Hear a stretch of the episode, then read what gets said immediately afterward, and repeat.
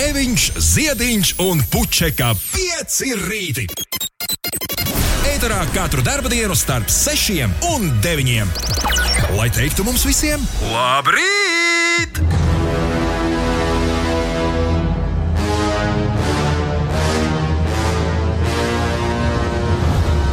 Jā, jā, jā, jā, jā.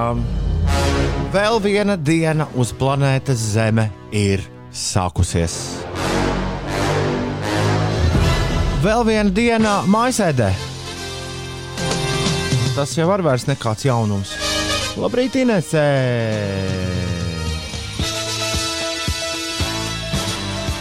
Liec no austiņas iekšā un klausies, ko tev saka kolēģis. Čau, Inese! Uh, mm, vēlreiz. Mani dzirdi? Tagad dzirdu. Tagad viss ir labi. Čau, Tom! Čau, Inese! Klausies, Ines! Uh, Jā. šorīt ir tas rīts. Gan, Kurš no visiem? gana leģendārs rīts, uh, parasti rītu kalendārā, jo kamēr mēs gulējām, Losandželosā ir sadalīti ikgadējie Oskari. Ah, jā, jā, jā. Un tieši šobrīd tiek sauktas nominācijas labākās filmas balvai. Oskara ceremonija būs kuru katru mirkli galā, bet mēs atkal, tā kā vienmēr, būsim tie, kas pavēstīs tiem dažiem, kuri ir jau pamodušies un traucas darbu virzienā vai traucas prom no darbiem. Kas tad ir vislabākā filma? Jo man liekas, ka tā ir tā filma, kur vienmēr gribas noskatīties. Nu, nu šitā, šitā dabūja Oskaru. Tev tā nav? Ka tu uzzini, kurš tur Reizēm, kurš tur reizēm tā ir, bet reizēm ir arī tā, ka tu noskaties to filmu un tev sagrādā vilšanos, un tev liekas, par ko tai filmai ir Oskars. Bet, Nu, kurš, bija, kurš bija tāds pēdējais gadījums, ko tu atceries? Kad tā vilšanās mm. bija. Neatceros īsti kādu nomināciju. Varbūt tiešām tā filma dabūja Oskaru, bet Birdman man, man tiešām nepatika. Mm. Mm. Kas, tev, kas, tev, Mm. kas tev nepatika? Sviests kaut kāds, jā? Nu, jā, jā. Man Bet es tiešām neatceros, vai, vai, vai tā filma dabūja kādu balvu. Bet katrā ziņā man, man liekas, ka es eh, par, tieši par to filmu biju dzirdējis, ka oh, tā tur baigā filma jānoskatās. Jā. Nē.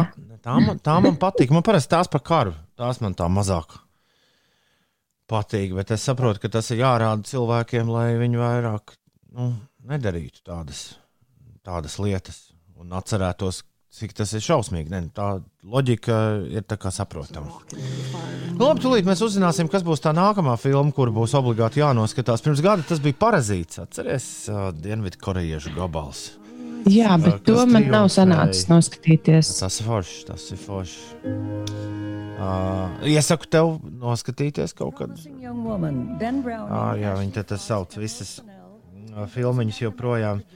Bet, uh, bet jā, parazītam forši tas, ka ir uh, izrādās vesels divas versijas. Otra versija ir melnbalta un uh, ar visādām ainām, kas nav īstajā versijā iekšā. O, cik interesanti. To melnbalto versiju es neesmu vēl noskatījies, bet īsti fani saka, ka tas esot nu, vēl labāk par to, kam Oskar iedeva. Jā. Tā Ines, es nāku tev glābt. Čau, Ulu. Jau. Tev visā... Kāpēc? Kāpēc? Kādā ziņā glābt, ar Nu, ko lai es netieku galā? nav- Lai tev nav jāizliek, ka tev interesē. Oskar?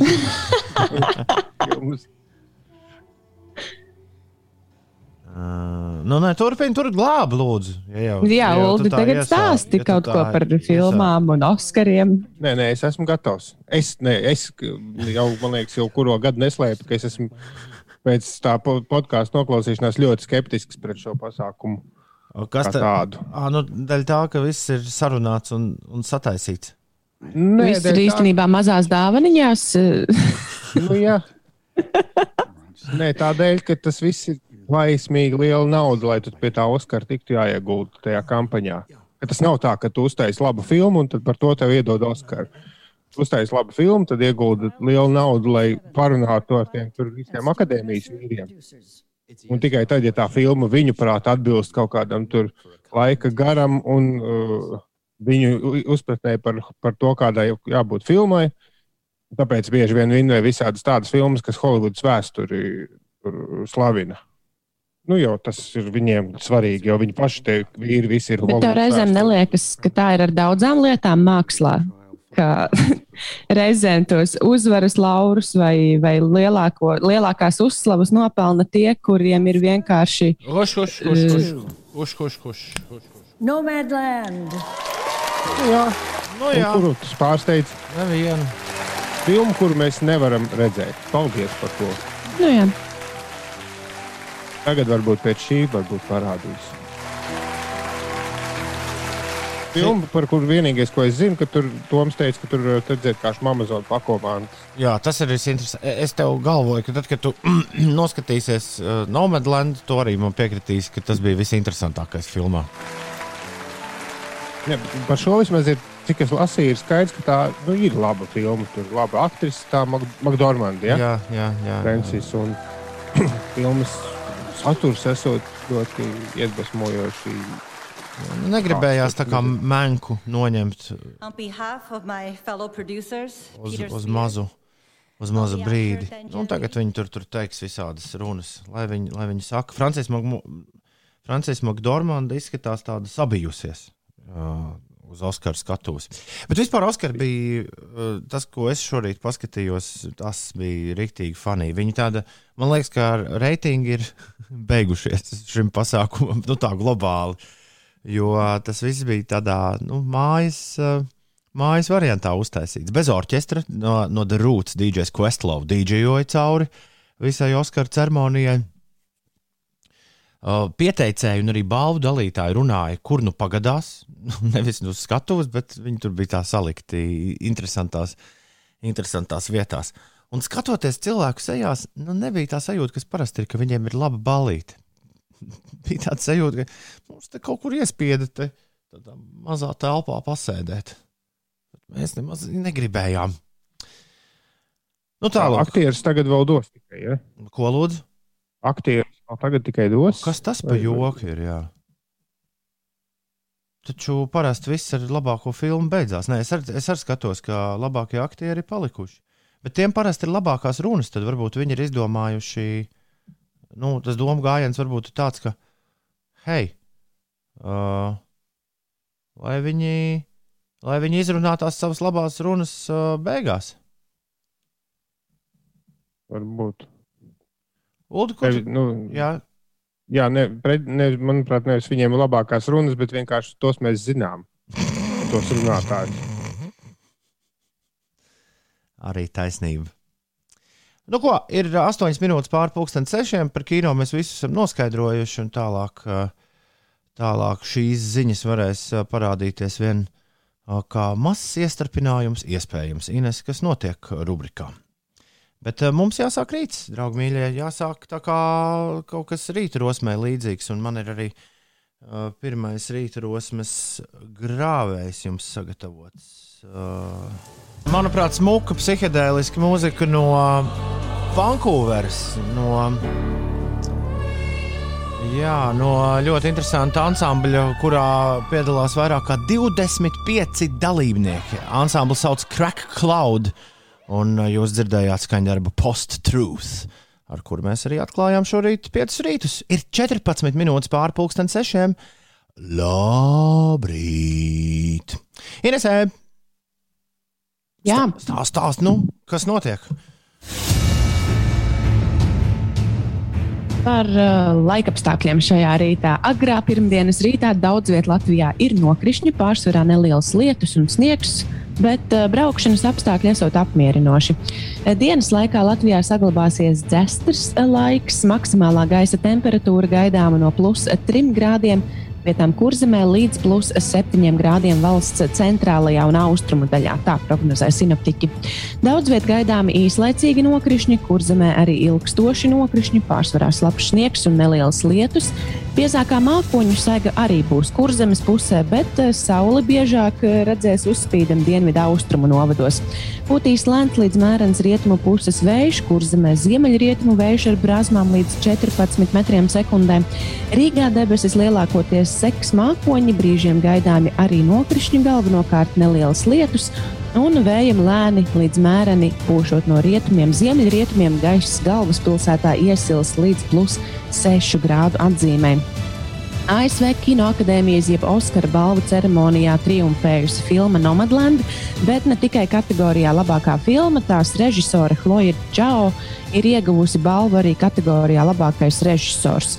Un kamēr ASV notiek eh, šādas balvas pasniegšanas ceremonija, tikmēr pie mums pašmājās Dailas teātrī šodien norisināsies Dejas balvas ceremonija. Tās laikā noskaidros 2019. un 2020. gada izcilākos Dejas darbus un personības. Wow. Par šādām balvām nebija nekas dzirdēts. Sveiciens visiem dejotājiem. Sveiciens visiem, kas šajā rītā ir kopā ar mums. Alfrēds, Bauskas Lācis, Nimenija, Netu, Rīta Jānis un Raimis ir jau pieteikušies. Iespējams, ka kādam no jums jāpiesakās arī dzen. Labrīt! Labrīt, Rīga, labrīt, Latvija, labrīt, pasaulē! Cēlies augšā šeit pie rītī. Nu, kā nedēļas nogala, Ines Ulu. Man šķiet, ka es sapratu, ka man la- labāk nekā Inesē. Kādā ziņā? Tāpēc, ka tu rakstīji, pēc, kad es tur pa mežiem vazājos, tu rakstīji, ka vismaz kāds šodien izbauda.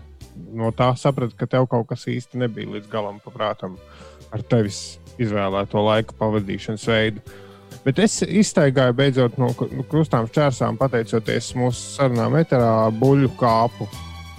Nebija tur bijis, bija tikai bumbu kalniņā, tajā tornī kāpjas augšā. un Tagad tie, kas zina, zina, cik tur ir skaisti iztaigāju no, no, buļ, no bumbu kalniņa līdz vidum, un tad nākamajā dienā no otras puses, no lielupas, tās baltās kāpas, arī atkal līdz vidum.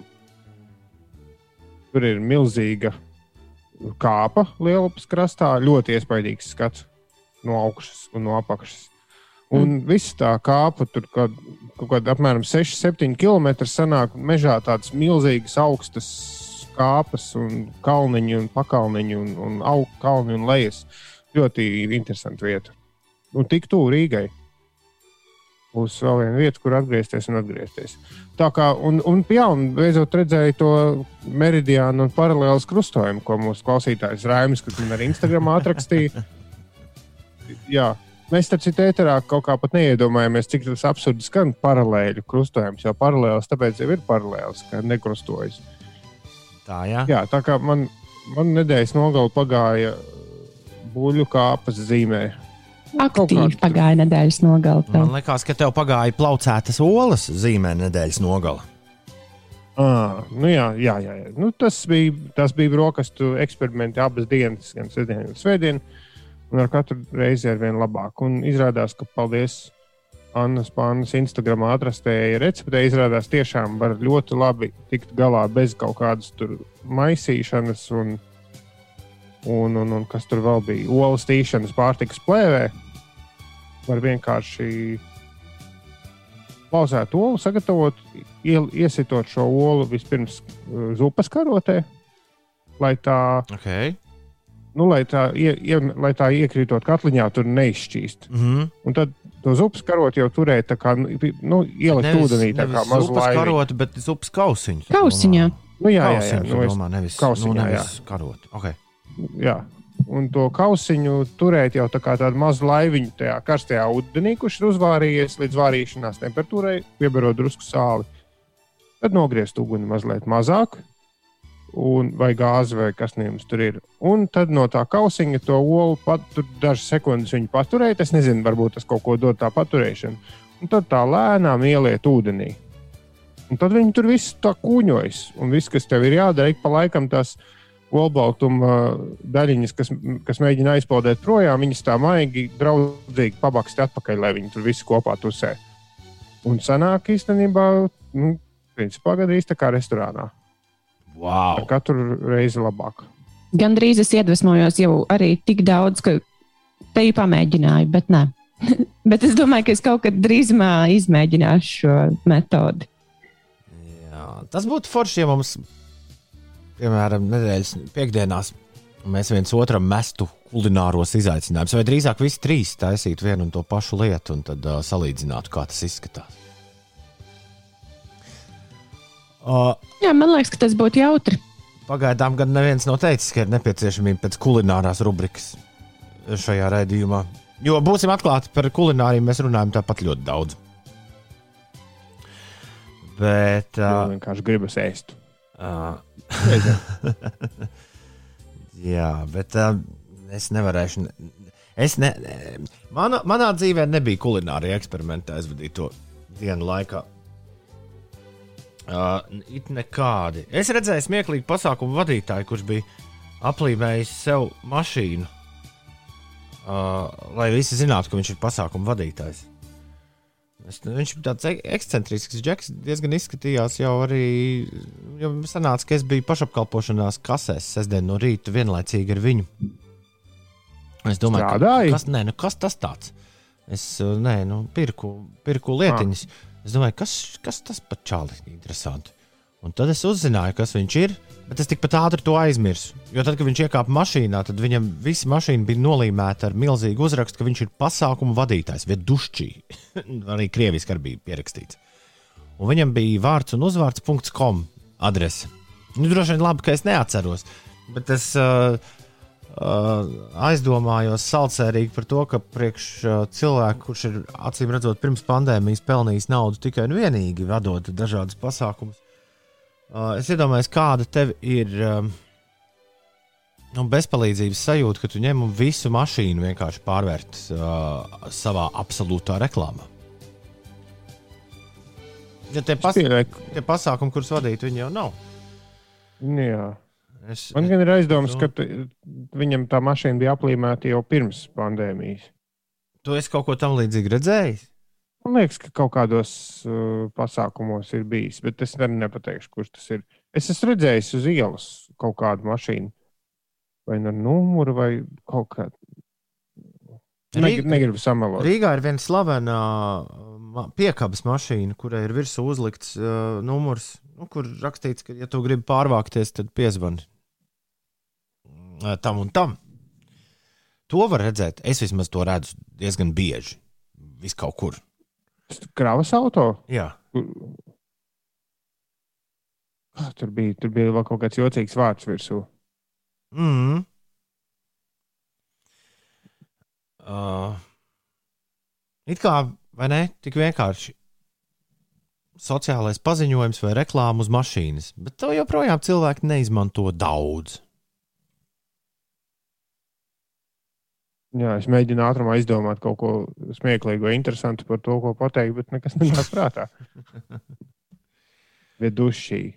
Es esmu Man būtu pavadījis, jāuzliek trombonists. Jā.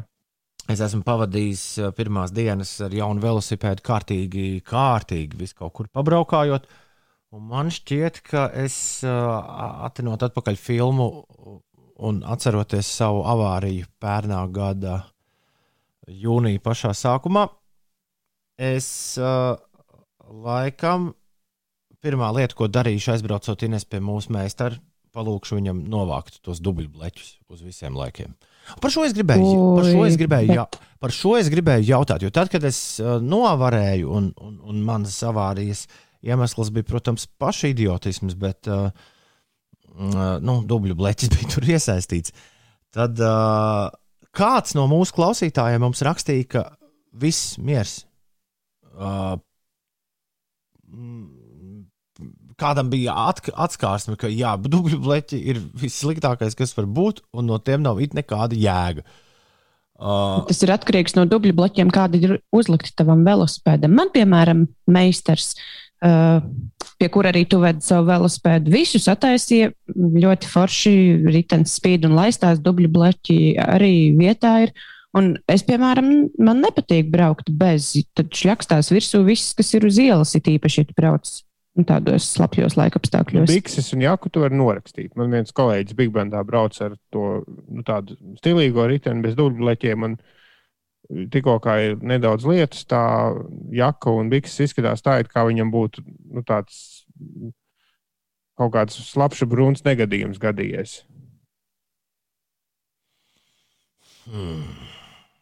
Nē, nu kā, tas, kas mums rakstīja par tiem dubļu pleķiem, ir jau tādi sportiskie braucēji, kuri tiešām nu, nebraukā ikdienā, bet tad, kad tu brauc uz ātrumu, tad tev katrs grabulis uz tā velospēda ir liekas.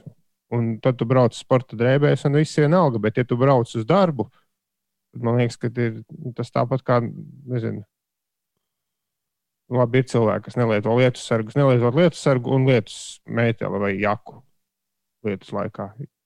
Mm, jā. Bet tu domā, tā Gudrāk- doma, lai nenokrīt? nepaliek. Nu, lai nav čakars ar viņiem. Man vienmēr, vienmēr ar jebkuru velosipēdu ar dubļu bleķiem ir dažādi. bijušas, bijušas ziepes. Ir dažādi dubļu bleķi. Ar Uh, laiku tur tas skrūvis nāk vaļā, tad uh, Bet ar laiku visas skrūves nāk vaļā. Par laimi, tev atnāk tikai dubļbuļbuļs skrūves, kuras nav braukšanai un dzīvībai, nu, izņemot tavu gadījumu, bīstamas. Bet ar laiku taču velospēdā visas skrūves skrūvējas no grabēšanas un no braukšanas pa bedrēm. ai.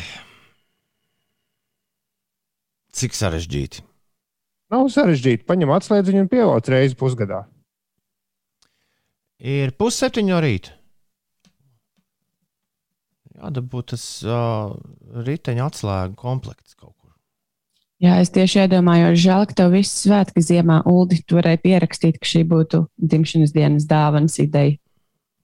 Ar ne- velosipēda remontu Ne, komplektu. šis būs jāsagādā pašam. Bet tā kā es klausos, ka visiem ir, nu, piemēram, es nopirku velosipēdu groziņu beigušies.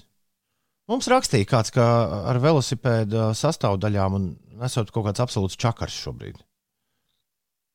Atcerieties, bija tāda Jā. Jā, kaut ko tādu rakstīja. Un, un Pandēmija, tirgus un kas tur vēl. kā varētu būt riteņa atslēgas? Angliski. Jā, mēģina kādā ārzemju veikalā apskatīt. Varbūt viens un divi var tā dabūt. Uh, ok. Labrīt, labrīt!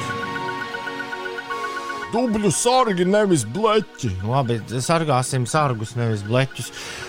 Galva sagriezās, griežoties pa virtuvi. Jā, apsēžas, raksta Aldis. Labrīt jums, labrīt, Aldi. Prieks, ka esi pamodies. Dīdzis, kā katru rītu, taksists ir kopā ar mums, un viņš ir pievienojies Uldim, kurš teica, ka Oskara balvu piešķir nevis par filmas kvalitāti, bet par ASV aktuālu notikumu atspoguļošanu. Un parazīts esot bijis labs izņēmums. Nu, te apmēram jums- tā ir. Nu, te es jums nepiekritīšu. Ir virknē, un starp citu, arī pēdējo, pēdējos gados, uz pēdējiem desmit gadiem, teiksim, paskatoties, īpatsvars tomēr ir bijis ar ļoti interesantām kino valodas ziņā, interesantām filmām. Nevis, nevis nu, tur gluži tikai Vietnamas karš vai, vai kaut kāds patriotisms vai, vai, vai vēl kaut kā. Bet, nu, labi, šajā diskusijā mēs katrs varam palikt, ā, katrs varam palikt pie sava. un Es domāju, ka liels gabals nenokritīs. Tī- It īpaši ņemot vērā, kur šobrīd atrodas kino industrija, kāds ir, ā, kāds ir kinoteātris, kases ieņēmumi. Ja? Ā, Nu, es domāju, ka te nav ko, nav ko daudz par šo strīdēties. Kā tāda karte, pēc kuras vadīties un, un padomā, ka, ej, varbūt šī tāda filma ir jānoskatās, vai tā filma ir jānoskatās. Man liekas, ka Oskar ne- nekas slikts tajā nav. Kaut kādi gabali no visa tā, kas ir sarežģīts gadu laikā, tiek īpaši izcelti. Uh, Klau, uh, ja neskaidro to, ka mēs esam izrunājuši, man liekas, visu, ko mēs gribējām izrunāt šajā raidījumā jau šobrīd. Uh, un to, ka Siguldā sniega, ko mēs neesam, man šķiet, vēl pieminējuši, to Ulas šorīt izpētīja savā uh, internetā. Mums atrakstīja kāds klausītājs. Es esmu izslēdzis Inesi, un man nav ne jausmas, kā viņu ieslēgt atpakaļ. Mhm. Rīta Jānis bija tas, kurš rakstīja, ka Siguldā pamatīgi sniega un tiešām pamatīgi sniega. Jā, Jā. un tev ir kāda nojausma, kā es varu Inesi atslēgt atpakaļ? Nu, es nezinu, Tom, tu izslēdzi ārā. Nē, tas nebija kameras. es, tie bija rūtīši, kas to izdarīja. Nu, jā, Man labi, rāda, ka es nevaru ieslēgt savu video, jo mūsu video hosts ir to apturējis. Jā, labi, kamēr jūs tiekat ar šo galā, es gribēju uzdot jautājumu klausītājiem, jo es devos pētīt velo remontu komplektu, ats, velo atslēgu komplektus. Jo man arī ir tāds kā saliekamais nāzis ar tur skrūvgriezīšiem un ko. Vai tā ir taisnība, ka tagad jaunajiem velospēdiem vairs nav vajadzīgas nu, atslēdziņas kā atslēdziņas, bet tu visu vari izdarīt ar seškantēm un skrūvgriežiem? Jo es skatos tos komplektus, kas ir pieejami pārdošanā, un tur faktiski viss balstās uz, uz dažu izmēru seškantītēm, un vēl tad vēl daži skrūvgrieži. Bet kā to angliski sauc, to tu uh, noskaidroji? Uh, kaut kāds multitool vai toolkit. Mhm. For bicycle. Jā, jā. Un, uh, jo man liekas, ka tādam velospēdam, kādam ir tev, tur vajadzētu, nu, taču būtu droši vien jābūt, kas tur bija 14 atslēga, un tad 12 atslēga un 10 atslēga. Bet tādas tajos tulkitos nav iekšā. Tad laikam, ka tādas vairs nav vajadzīgas. Jo man bija, es atceros no, no skoļņika, man bija tāda kā nu, tāda metāla plāksnīte, kur bija caurumiņi. Tur viss visādi izmēra atslēgas. Tur katrā stūrī citādāk izmēra. Man arī bija skolņiks. Un man, starp citu, šī, tas, tas skoļņika tā universālā at, atslēga vēl kaut kur man mētājas neviena, neviena cigulā mājās. Varētu pameklēt, varbūt tev tas noder. Jā, prasa būs kādam padoms. Es skatos uz dažām dažādām tām kastēm, kurās ir priekš velosipēda tās atslēgas, un, protams, nevēlu nesaprotu. Kā jau arī to varēja gaidīt? Oho! Ir bez 20 minūtēm, 7 pareizais laiks. nu, Uh, Es teiktu, ka nu, tev nav, nopērkot automašīnu, tev nav jākļūst par automeistaru, lai arī ko daži vīri ar rokām pareizajā vietā saka. Es esmu tīri labs piemērs tam, ka tu vari nu, braukt uz servisu un ne, neņemties pats, ja tev tas nepatīk, vai vienkārši tam nav laika. Man liekas, ar velospēdu var līdzīgi. Vienīgais tas jādara ļoti regulāri. mm, Nu, neretāk kā reizi gadā. Es, jo, es domāju, tev- krietni regulārāk. Un tad tev viss būs kārtībā ar visām skrūvītēm. Nu, es domāju, ka tavam ritenim var reizi gadā pilnīgi pietikt. Šobrīd, jā. Nu, labi. Ir uh, bez 20 minūtēm, 7. Labrīt! Inesē, kas notiek? Rīgā notiek visvisādi remontdarbi, gan ā, bruņinieku ielas labiekārtošanas sakarā, gan arī um, dažādu kanalizācijas darbu dēļ. Piemēram, Imantā līdz 6. maijam tiks ierobežota transporta līdzekļu satiksme Jūrmalas, Gatves un Vībotņu ielas krustojumā. No šodienas līdz trešdienai tiks slēgta transporta līdzekļu satiksme Viesnīcas ielā Rīgā un saistībā ar ūdensvadu un kanalizācijas tīklu izbūves darbiem no šodienas līdz trešdienai arī būs ierobežota satiksme Berģu un Leldas ielas eh, krustojumā. Par, eh, par sportu Latvijas hokeja Teodora Bļūgera pārstāvētā Nacionālās hokeja līnijas komanda Pitsburgas Pingvīns izcīnīja uzvaru regulārā čempionāta spēlē. Tiesa, eh, maza uzvara. Pingvīns mājās ar rezultātu 1-0 pārspēja Bostonas Bruins spēlētājus. Un, eh, Pitsburgiešiem šo sezonu vēl ir atlikušas tikai septiņas spēles. Kopumā ar 47 punktiem 49 spēlēs Pingvīns eh, pakāpusies uz pirmo vietu Austrumu divīzijā.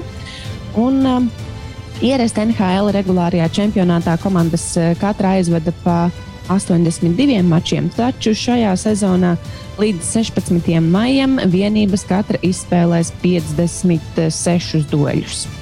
À, viņi tā kā grib atgriezties normālajā kalendārā kaut kādā veidā. Nu, tas tā izklausās. Pēc kā tu to spriedzi? Nu, kā, nu, Spēles būs, jau sezonā ir bijušas krietni mazāk nekā ierasts. Nu, jā, bet tāpēc, es domāju, ka tāpēc viņi to vēlas uh, darīt, lai nākamgad var uh, spēlēt visas 82 un spēlēt kā aleži no oktobra līdz, uh, līdz jāņem. Nu, varbūt Jo uh, tu saki, māja vidus, ja būs cauri. 16. maijā. Nu, tad viņi arī tā arī būs. Viņi gandrīz līdz jūlijam uh, sitīsies Stenlijā. Sitīsies par kausu, kurš ko dabūs. Un uh, Nacionālā basketbola asociācija, interesanti, kāds tiem ir kalendārs, vai, vai šī arī darīs kaut ko līdzīgu. Nu, to es tev tagad pateikt nevaru. Labu rītu, Ulu, labu rītu, Inese, labu rītu visiem, kas pie radioaparāta. Labu rītu, labu rītu. Agrāk, kad pirku velo, nāca līdzi velo instrumenti un pat pumpis. Pareizi. Atceries, skolņikā man liekas, arī bija Uldi. Jā, Ieliekamais pumpītis, kas vienmēr bija līdzi. Jā, bet tad reini nāca kapitālisms. Un uh, jāpērk vēl, vēl, vēl, viss kaut kas jāpērk. Jāpērk vēl šis, jāpērk, jāpērk vēl tas. Nu, ir labāk nekā bija pirms tam. Nu, Tā kā viss miers. Ogotājs pēc šīs dziesmas sajūtās vecs. Uh, nu, jā, ogotāji, bet nu, ko tu padarīsi? Ja tie gadi, tie gadi ir tādi, kādi, kādi tie ir. Un tieši tāpēc, lai gadus svinētu, mums ir rubrika, kuru sauc Laika mašīnā. Inês atkal būs bišķi dusmīga. Reti, kad tu saņem atļauju no manis pie leduskapja aiziet kaut ko gardu apēst.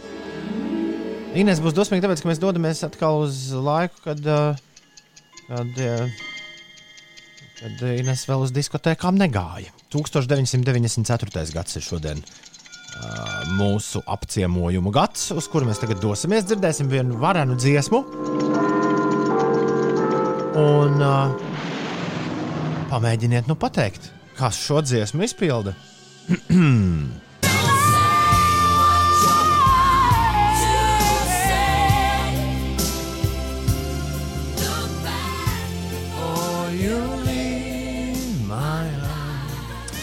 Kas par dziesmu?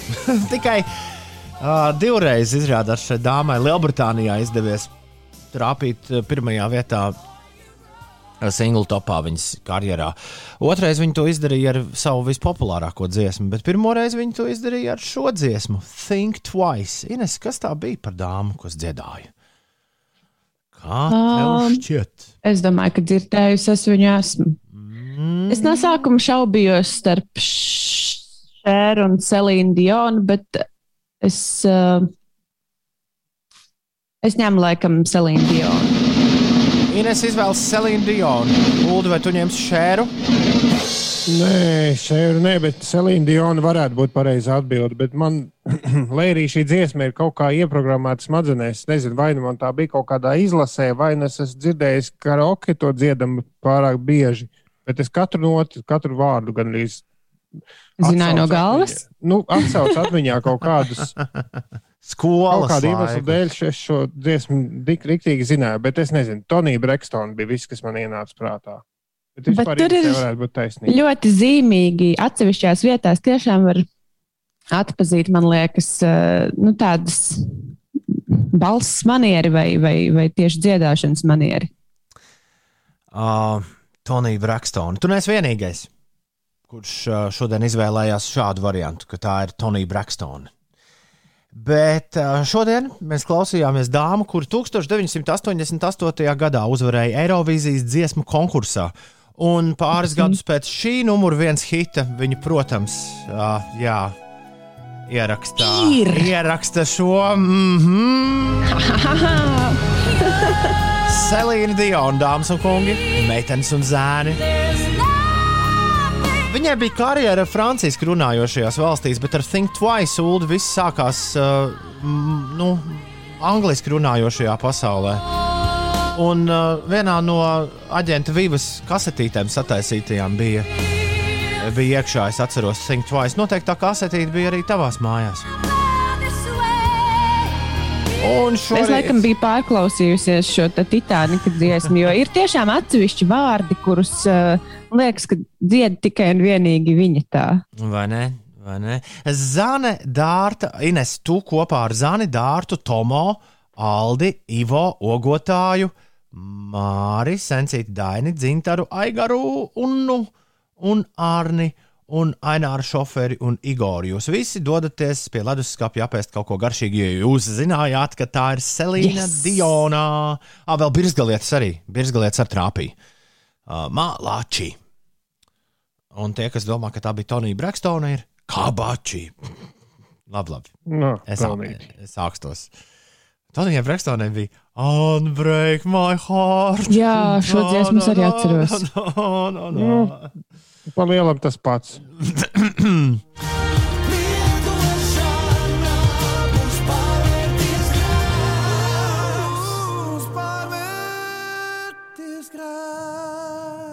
Es redzu, slimoju, kad šī dziesma parādījās. Tāpēc es nezinu, viņi visi tiešām kopā ir rakstījuši arī tekstu šai dziesmai. Ulu.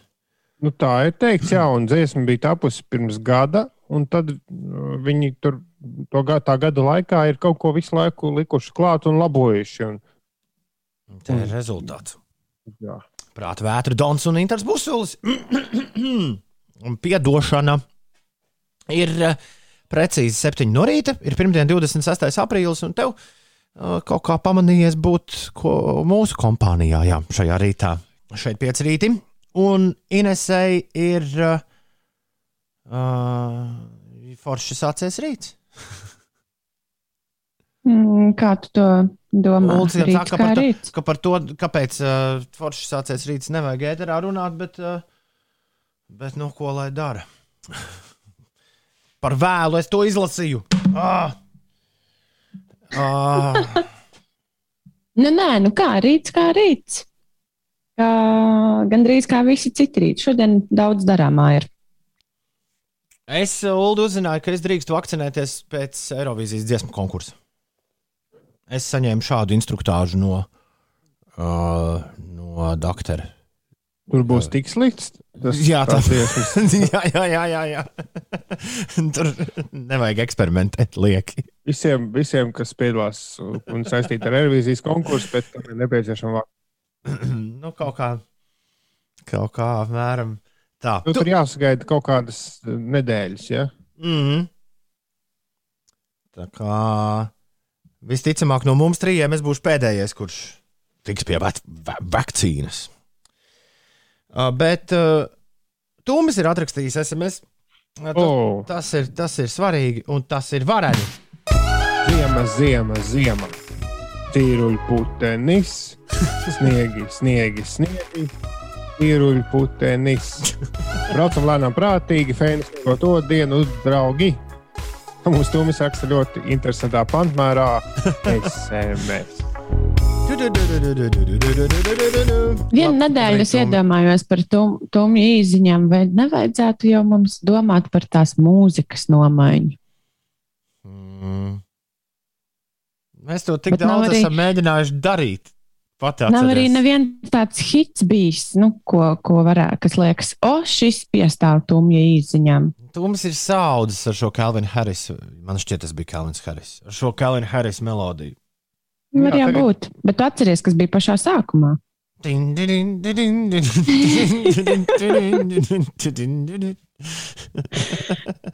Jā, jā, Īstenībā tā man patika vislabāk. Bet padomā, ir uzaugusi vesela klausītāja paudze, kuri mums pieslēdzas, piemēram, pirms diviem vai trim gadiem, kuri ne, nezina, ka tomļa izziņas tika rakst, lasītas uh, citai mūzikai skanot.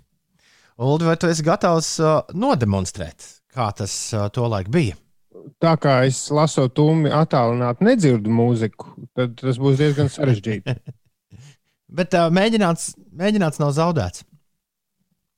Dāmas un kungi, Tom tu vari diriģēt Uldim video. Es, es mēģināšu. Uh, Dāmas un kungi, Tūmis ir atsūtījis SMS.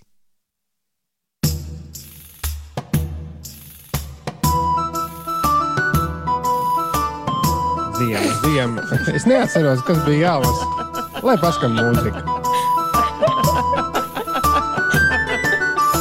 Ziema, ziema, ziema, cīruļputenis, sniegi, sniegi, sniegi, cīruļputenis. Braucam lēnām, prātīgi fēns, sniegot to dienu, draugi, tā Tūmis raksta SMS.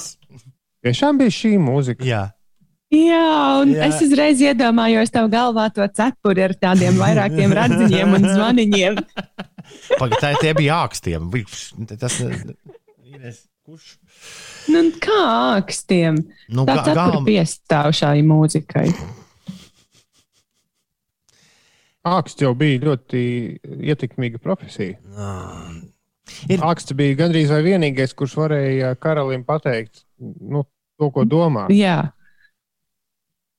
Ir ā, 9 minūtes pār 7. Uh, labi. Viss ir ļoti labi. Tikai kaut kā miegs nāk, vai ne? Vēl joprojām. Tā ir šorīt tāds ā, pelēks rīts, gan galvaspilsētā, ā, un citur es saprotu, balts rīts, jo no gaisa krīt lielas un milzīgas sniegpārslas šur un tur. Un šajā rītā atkal esam visi satikušies. Pirmdiena, 26. aprīlis 2021. gads. Tiešraidē no garāžas studijas un no divām viesistabām. Šis ir raidījums pieci rīti. Labrīt, labrīt, labrīt! kam šodien dzimšanas dienas, to mēs uzzināsim pēc pavisam īsa brīža. Uh, kāds cliffhangers vai kā to īsti? Šodien Alīnai, Rūsiņam un Sandrim ir vārdu svētki. Sveiciens Alīnai, sveiciens Rūsiņam un sveiciens Sandrim. Lai viņiem visiem viss feini. Viņiem Nu, jā, un kaut kādiem cilvēkiem ir dzimšanas dienas. Un tā kā iepriekšējais gads dzimšanas dienas, šis datums bija sestdienā, svētdienā, tad mēs neuzzināsim, tagad, kad ir dzimšanas diena. Beigās pēc, pēc stundiņas. Jā, es Nav kur godīgi steigties. pateikšu, Nav es aizmirsu par šo. Nav ko, nav ko steigties. Paši jubilēti gan jau guļ vēl. Nu, jā, tieši tā. Ai, cik mīļi rakstīja Iveta no ērgļiem. Man tā pirmā dziesmiņa ļoti patika, nu tā tumja. Varam jau Jā. tādu pārmaiņu pēc pamainīt uz apakaļ tagad šito. Un tad, kad mēs būsim visi trīs studijā, tad Ulas varēs dziedāt tumja īziņas tikai ar to cepuri galvā. Es ceru, ka tu viņam uzdāvinās viņu. Jā, man ir ideja dzimšanas dienas dāvana. Prātnieks dievina pirmdienas, bet tikai uzreiz pēc 17.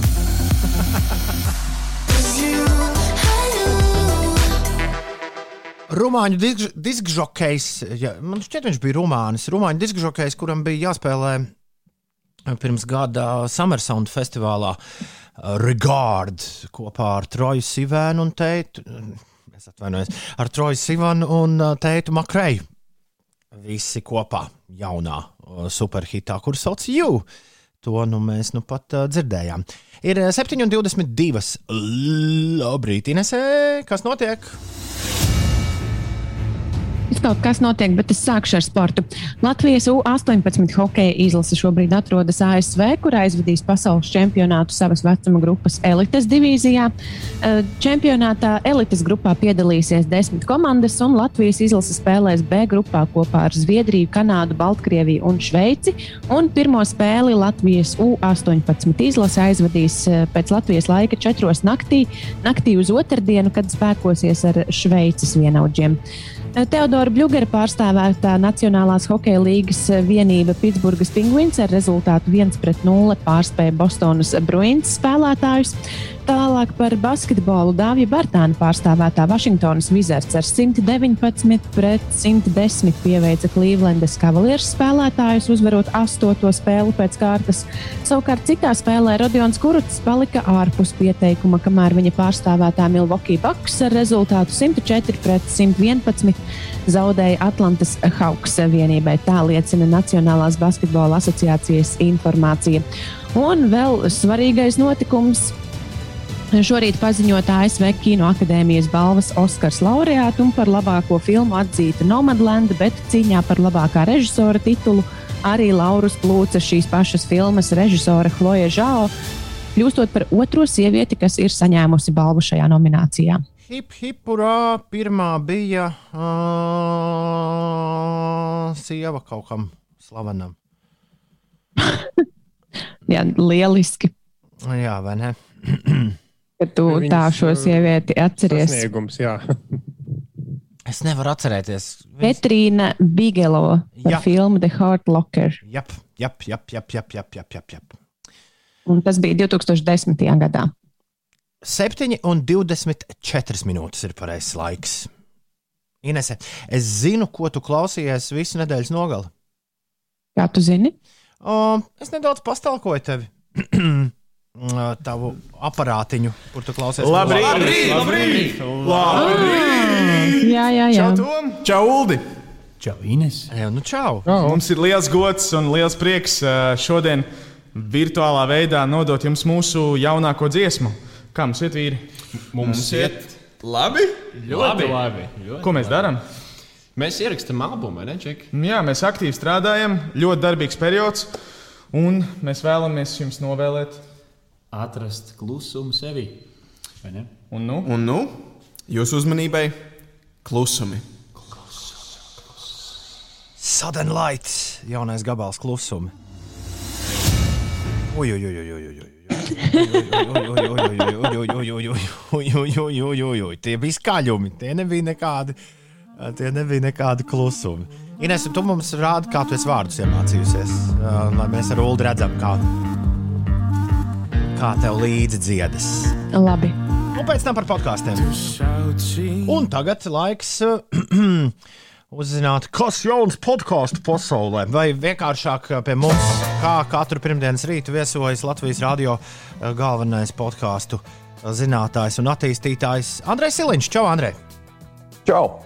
Uh, Twitterī nedēļas nogalē mūsu pastāvīgais klausītājs, tiešām cilvēks, kurš uh, rītus ir dzirdējis, nu, negribu teikt visus un pilnā garumā, bet diezgan daudz uh, klausījies.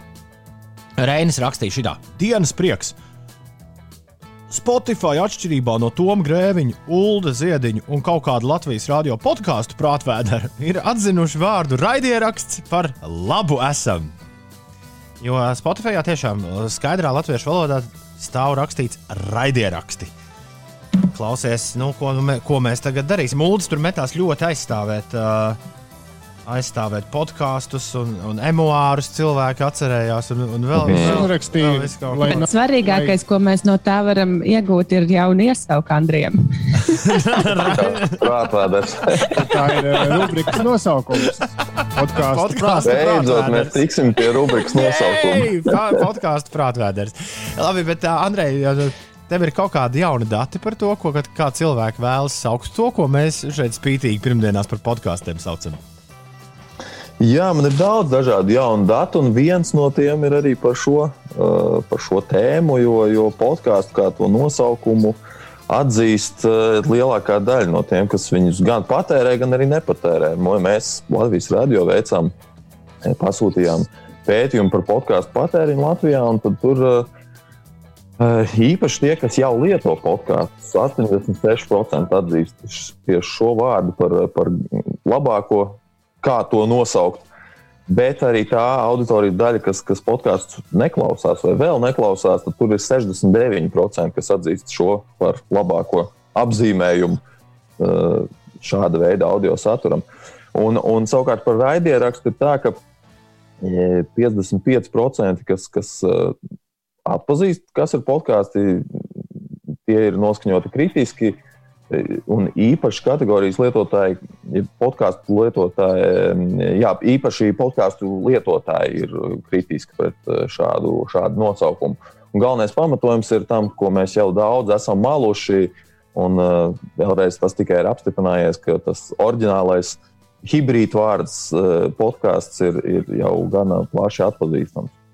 Un raidierakstu kā tādu labu aizstājēju šim anglicismam, saredz tikai 22% visas auditorijas. Tā kā, nu, vismaz šobrīd. Eh, Paliekam pie šī. Paliekam nu, pie šī, un es saprotu, ka var gadīties šādi, nu, teiksim, kas iestājas ļoti par to raidierakstu. Forši, es arī lietoju savos eh, blogos, jeb emuāros vārdu raidierakstu kā, kā sinonīmu. Jā, un lai, lai, lai ir miers mājās, es tomēr pateikšu, ka uh, Tom tu tur bija pārspīlējis, neko neaizstāvēja. Es teicu, ka Spotify un Apple visu saliks pa vietām mūsu vietā. Un tad pieslēdzās mūsu pagaidām vēl pāraugošās iestādes, jo SEPULP vēl nav NEPULP pārstāvis Jānis Eglīts, kurš teica, ka šogad vēl ir podkāsti, bet nākotnē varētu būt arī raidieraksti. Tā ka tas īstenībā nav pat no mums atkarīgs. Mēs lietojam ko vēlamies līdz brīdim, kad lietosim kaut ko citu. Nu, tā kaut kā. Rai, rekur, tas, kas agrāk bija tas. Nu, vai, kaut, vai kaut kā tā. Klausies, kādu jaunumu vēl uh, podkāstu pasaulē, Andrej? Zini, īstenībā pēdējās, es teiktu, pāris nedēļas ir diezgan aktīvas bijušas uh, tieši podkāstu pasaulē. Un, un to lielo, lielo uh, mēdīju gigantu, ja podkāstu gigantu uh, straumēšanas servisu cīņās īpaši uh, aktīvas bijušas šīs nedēļas. E, nu, pagājušo nedēļu vien. Vispirms Facebook paziņoja, ka iesaistās audio spēlē, gan arī to, ko mēs iepriekš pieminējām, savu clubhouse versiju. Ja viņiem ir šis video konferenču rīks rūms, ko viņi tagad mēģinās pārvērst arī par tikai audio konferenču rīku, nu, gluži kā tas ir Clubhouse gadījumā. Nu, un tad uh, viņi plāno arī ar Spotify kopā mesties uz vienu roku atkal. uh, pēc vairāku gadu pārtraukuma un, un, un palīdzēt uh, atrast podkāstus um, caur savu meklētāju Facebook un aizvest uz, uz Spotify. Tas nu, droši vien abām pusēm ir uh, labs un izdevīgs risinājums. Varētu būt skaidrs, ka tas vēl nav ieviests, ka uh, viņi ir oficiāli paziņojuši par šādiem plāniem. Tā kā no ātrāk vai vēlāk jau tas, mm, tas tiks ieviests, vismaz mēģināts to darīt. Nu, un tad uh, Apple sajutusi teiksim, tā, nozares izslīdēšanu no savām rokām uh, jau kādu laiku plānoja. Plānoja atgūt uh, tādas pašplūsmā palaistās podkāstu jomas uh, pozīcijas. Un, un dienu pēc šiem Facebook paziņojumiem, savukārt, Apple ienāca ar lielu sludinājumu, pas, pasludināja teiksim, tā, liels jaunums. Un, un turpmāk Apple piedāvās ne tikai izplatīt jau citur hostētu podkāstus, bet arī paši hostēs podkāstus. Ja to vēlēsies cilvēki darīt un ievietot tieši Apple savus, savus audio failus, lai tie būtu dzirdami visiem Apple lietotājiem. Hostēt nu, podkāstu, tas nozīmē, ka tu fiziski to failu kaut kur glabā. Ja? Nu, tiem, kas jā. nezina. Respektīvi, tas ir. Tu nevari vienkārši ierakstīt podkāstu un kaut kur aizsūtīt. Tev ir jābūt tā kā mājaslapai, kaut kādam, nu, tā kā serverim, rupi runājot. Ja? Jā, jā, serveris. Tā citos gadījumos, nu, piemēram, Latvijas radio gadījumā, tā ir mūsu pašu mājaslapa. Eh, bet ir arī dažādi maksas servisi, arī bezmaksas servisi, kas tieši šādu pakalpojumu piedāvā kā savu galveno eh, produktu. Jā, un tad uh, vēl jaunumi noteikti, varbūt paši galvenie jauni, jaunumi Apple gadījumā ir tie, ka būs pieejami trīs dažādi veidi podkāstu turpmāk. Būs no, no, no, no, no video, audio. Brīvu pieejas podkāstu, tie, kas joprojām ir par brīvu. Labi. Tad būs freemium nosaukums, kur būs gan par brīvu, gan būs iespēja podkāstu izvietotājiem piedāvāt arī maksas epizodes, nu, bonusus, kaut kādas bonus epizodes vai, vai tam līdzīgi. Un e, tad būs e, tādi podkāsti, kas būs pieejami tikai par maksu. Apple uh, ir paziņojuši šādus jaunumus, un, un, un tur būs gan abonentu maksa par, mm, par gadu, varēs podkāstu izvietotāji uh, piedāvāt arī par brīvu epizodi, teiksim, vai nedēļas, eh, to pārbaudas laiku saucamo. Cilvēki var paklausīties un saprast, vai viņi grib klausīties arī turpmāk, tad, ja gribēs, tad gan būs jāsamaksā nauda. Bet viņus šo un ir Apple... ļoti nu, tā, nu, pārliecinoši gājuši. Galu galā viņu radiosaturs, kur es savukārt vairāk patērēju, tas kopš pirmās dienas on demand ir pieejams tikai un vienīgi, ja tu esi Apple mūzika abonements. Līdz ar to man šis šķiet tikai abonents. Man šķiet, ka šis ir ļoti loģiski. Jā, un tur mainīsies arī nedaudz nu, tīri, vizuāli šis viss pasākums, jo, jo turpmāk būs gan poga subscribe, gan poga follow, jeb abonēt un, un sekot. Un tad tie, kuri būs par brīvu, un tiem tu sekosi, jeb spiedīsi follow, Un tie, kas būs par maksu, tiem būs jāabonē, tiem būs poga subscribe.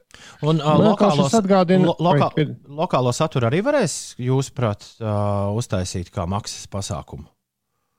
Es domāju, ka varēs. Nav īsti par to nekāda ziņa bijusi. Tas šis būtu interesanti, ja tas tā būtu. Ulu, ko tu gribēji teikt?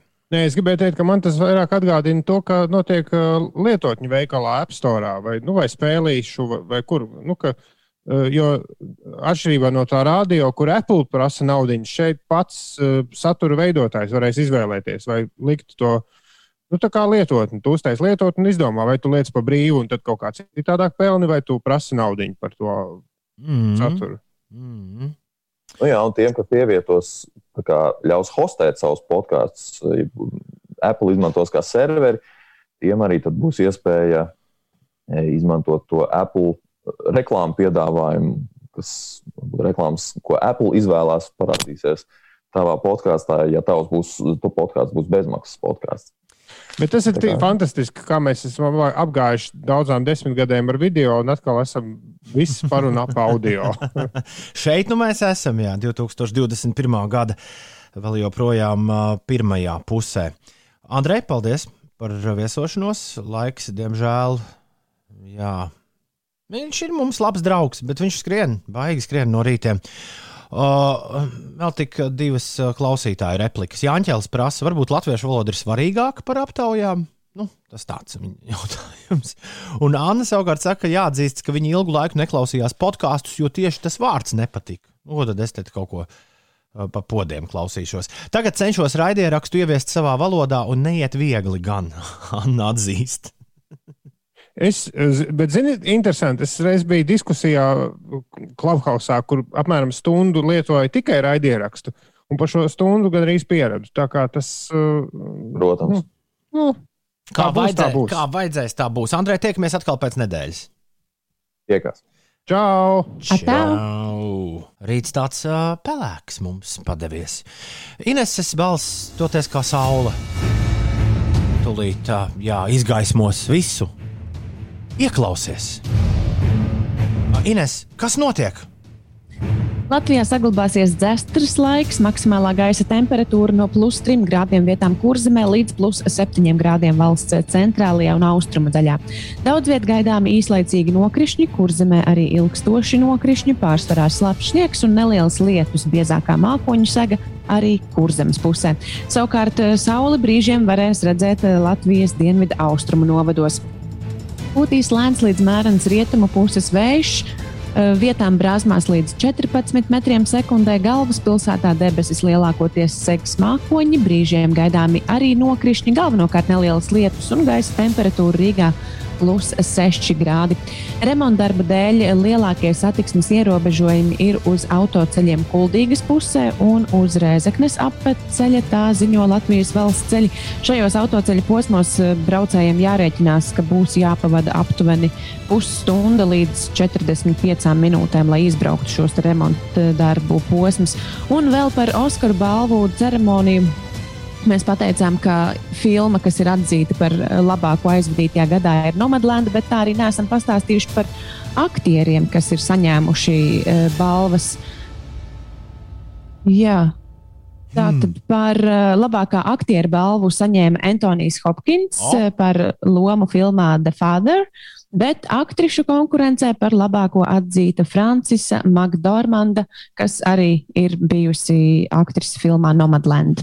Tas ir interesanti. Jā, viņi šogad pirmo reizi uztaisīja tādu joku, ka filmas, labākās filmas balvu iedeva pirms aktieriem. Un Ulim bija ļoti labs arī arguments, kāpēc viņi tā dara. Uldis pats aizmirsis. Jā, Iz, izskatās. Nu, kā, tāpēc, ka neviens, neviens nepazīst tos, kur kāpj, tos producentus, kur kāpj saņemt parasti statujas par uh, labāko filmu. Tāpēc reitingiem droši vien draudzīgāk ir tas, ka nu, pašā beigās ir pazīstamie cilvēki, kur runā. nu jā, varbūt. Es, es nezinu, es to vairāk par mums, par mums biju domājis, kāpēc mums tas šķiet interesanti. Bet jā, aktieri bija beidzās. 7,44. Ir geogrāfijas spēle. Aiziet tā kā skolā no rīta. Neviens, neļa... Uzreiz, jā, neviens pat aiz no pirmdienām. Neviens neļaus tev te, jā, gurķoties. Ātrāk tiksim ar šo darbiņu galā, ātrāk tiksim galā. Nu, ko? Aiziet, pirmais jautājums. Tuvojas visādi pasaules čempionāti. Viens jau praktiski ir sācies. Kurā valstī notiek U-18 pasaules uh, hokeja čempionāts, kurā piedalās arī latviešu puiši. Ziņas jau klausās. Čā, jā, tom jāklausās gan. Labi. Es no. ceru, ka vismaz ar šo uh, nākamo jautājumu tev būs atbilde. Kuras valsts galvaspilsēta ir Baku? Baku. Nu, jā, ar otro jautājumu bija grūti. Tad uz trešo jautājumu tev noteikti jāzina atbilde. Okay, labi. Kurā valstī? Kāpēc man ir sajūta, ka jūs divi tā spēlējat šobrīd? Old, tu gan jau zini, stāv pie ratiem. Kurā valstī Amazon Studios uh, grasās filmēt vēsturē dārgāko seriālu The Lord of Rings? Of the Rings, jā, ok, jā. jā. Labi, jā. labi, labi, labi. Tā, ceturtais jautājums. Pagājušā nedēļā mēs runājām par visādiem geogrāfiskajiem punktiem, meridiānām un paralēlēm. Pasakiet, Baltijas geogrāfiskā centra vieta. Nu, novads, piemēram, kurā vietā tas varētu būt? Baltijas geogrāfiskais centrs. Ja varat, nosauciet novadu. Jā, nepietiks ar to, ka tā ir Latvija. okay, jā, jā. Es jau mazliet pateicu jums priekšā. Un uh, kurā Latvijas novadā atrodas zelta dibena ciems? Zelta dibena ciems. Zelta dibens, jā. Cik mums tagad ir novadi? Daudz vai ne? Šobrīd ir padaudz, jā, bet nu, pēc reformas būs mazāk. Un stāv manā priekšā tu. Šitā dziesma minēsē būtu jādzied. Nu, Tagad stāv manā priekšā tu. Un tagad atbildi man uz geogrāfijas spēles jautājumiem. Un tagad stāv manā priekšā tu. jā, un ja nezinās atbildes, likšu kaktā stāvēt. Ja nezinās labi. atbildes, tad neba, nebūs tev vairs, nebūs mans maigs. Ineses geogrāfijas spēle. Laiks atbildēm. Laiks atbildēm. Tieši tā. Pirmais jautājums bija par to, kurā valstī tad notiek U-18 pasaules čempionāts hokeja. Tu saklausīji, Ulu? Es ceru, ka ASV. Es, uh, es uh, dzirdēju ziņu, ka tu to stāstīji, bet uh, es uh, nesaklausīju valsti, nu lai iet Čehija. Un pareizā atbilde ir Uldim. Jā, tā ir ASV. Teksasā notiks uh, pasaules uh, čempionāts. Jā, hokeja U-18 spēlētājiem. Kristaps Porziņģis ir apsveicis, nu, ne gluži apsveicis, bet uzmundrinājis mūsu hokeistus ar uh, uzdāvināt viņiem savus krekliņus. Un pirmā spēle naktī, naktī no pirmdienas uz otrdienu ar Šveices spēlētājiem. Nu, vēlam, vēlam veiksmu puišiem. Jej. Labi. Otrais jautājums. Kuras valsts galvaspilsēta ir Baku? Azerbaidžāna. Azerbaidžāna. Un punkts katram no jums, un arī visiem mūsu klausītājiem, kas ir atbildējuši pareizi uz šo, atbildi, uz šo jautājumu. Tā, kurā valstī Amazon studijos grasās filmēt vēsturē dārgāko seriālu The Lord of the Rings? Man ar šo mm? ir liels problēmas, jo nezinu, kāpēc liekas, ka lasīts kaut kas par kaut kādām Skandināvijas valstīm vai par Islandi, bet nu lai jau iet tāpat Jaunzēlanda. Jaunzēlanda gan. Jā, pareizi. Visiem pa punktam, izņemot dzintaru, jo dzintars domāja, ka Islandē filmēs. Tur Bet nē, filmē, mm, viņi jau filmē filmas tur. Jā. Līdz ar to arī seriāls Jā. pārcelsies uz turieni. man jau likās, ka šis būs pārāk viegls jautājums. Bet nu, nekas. Baltijas geogrāfiskais centrs, kur tas atrodas? Šeit, galvaspilsētā. Uldi. Man ar šo ir problēma, jo man jau kopā Latvijas centrs, un man šķiet, ka kaut kādu vēl meistari bija izdomājuši arī Eiropas centru Latvijā. Lai iet Madonas mm. novads. Pareizā atbilde ir geogrāfam ar grādu, kurš raksta, ka uh, Baltijas geogrāfiskais centrs atrodas Ikšķilas novadā pie Tīnožiem. Tāpēc jau viņš ir geogrāfs ar Geogrāfs ar grādu. Jā. Jā, punkts viņam. Un kurā novadā atrodas zelta dibena ciems? Nav nejausmas minēšu mm, krāslavas. Nu, kaut ko ļoti uz to pusi gribētos ņemt. Daugaupils novadā. Preļos. Nu, tuvu bija jums, bet tie ir preļi. Ah, Citu ciems eh, 2019. gadā dabūja savu eh, nu, zīmīti, ko likt ceļmalā, kad tu iebrauc. Es esmu zelta dībena ciemā. Nu, Kur uh, seriāla taisītājiem nākamais seriāls var, nu, pēc lieliem muļķiem tagad varēs, varēs par zelta dibeniem taisīt. uh, Seriālu. Pateicoties Eirovīzijas dziesmu konkursu tuvumam, mums katru rītu spoži ciemiņi šeit ir gaidām. Tā kā katru rītu, ja tu uh, gribi dzirdēt, kā mēs sajūkam vienā kopīgā pūlī, gan es, gan Nīnes, gan Uldis ar dažādiem Latvijā slaveniem cilvēkiem. Katru rītu es kopā ar mums, jo katru rīt, katrs rīts kā tāds pārsteigums, vai ne? Jā, Uldi. šodien Šodien Ines vispār, Ines man jautāja, vai mums katru dienu būs. Inese. Ines, šodien, šodien mums būs uh, dāma, kurai vienīgajai, ar kuras dziesmām ir bezmaz vai vienīgajām, man liekas, ka Šo vajadzēja pārbaudīt iepriekš. Bet uh, jā, viņas dziesmas ir uh, vienmēr līdz šim kvalificējušās Eirovīzijas dziesmu konkursa finālam. Vienreiz viņa pati dziedāja savu dziesmu, un vienreiz viņa sarakstīja Justam. Aminēta. Mm. Aminēta šoreiz būs uh, kopā ar mums. Tas jau ir tas lielais jautājums, kas ir ļoti daudziem, vai uh, Aminēta izdosies hat-tricks, vai Samants Tīnas The Moon is Rising, kas arī ir uh, Aminēta ir viena no dziesmas autoriem, vai tā arī mums iedos iespēju būt finālā. Jā, patiešām mēs pēdējo reizi esam bijuši uh, finālā 2015. un 2016. gadā. 15. gadā Aminēta dabūja sesto vietu dziedot Love Injected, un Justs bija 15. ar Heartbeat gadu vēlāk. Kopš tā laika Latvija nekad nav kvalificējusies Eirovīzijas dziesmu konkursu lielajam sestdienas vakara finālam, un šogad varētu būt ļoti labs izņēmums. Nu, vismaz uh, Aminats faktors pagaidām izskatās, ka varētu darboties. Nu, tur tā statistika saka. Aminēta būs kopā ar mums. Tas visai drīz. Savukārt Emīls ir ceļā uz Tallinu un ir nedaudz šokā par to, ka 5LV skanot līdz pat Viljandiem. Tas man liekas, no rīta tā ir. Mēs kaut kad, kaut kad par to runājām, kā tie radioviļņi plešas. Un, Emīl, tu tā kā tāds surferis, ja tu esi uzlicis uz tā viļņa, tad viņu kopā turpini traukties cik nu viena antena ķer. Man prieks, ka arī Viljandos mūs dzird. Labrīt, Viljandi! Ir uh, astoņas minūtes pāri astoņiem.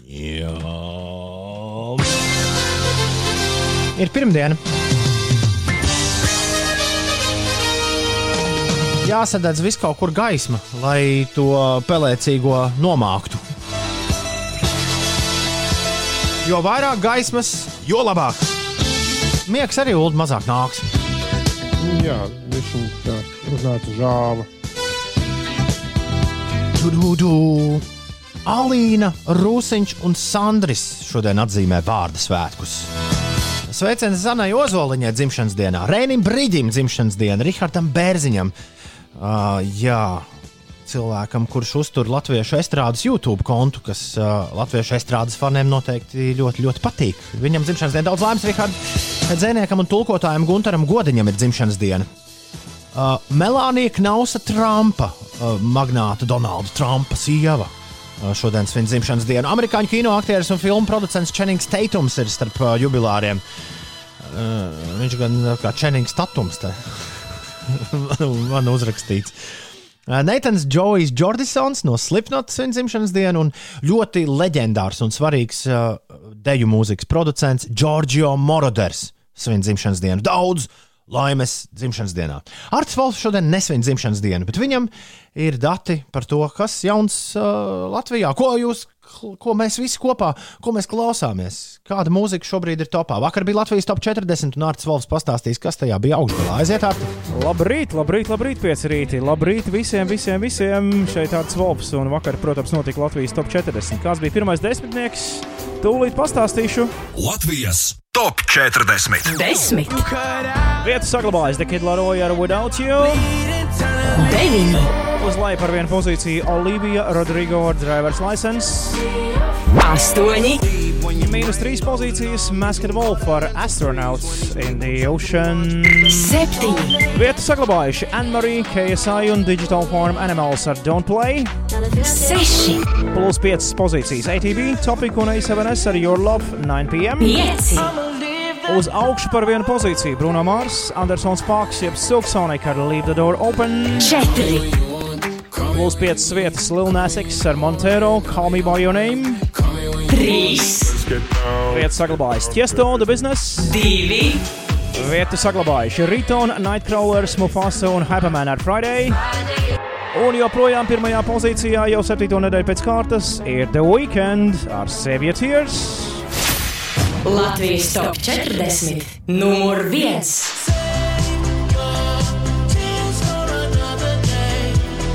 Septīto nedēļu pēc kārtas weekend ir numur viens.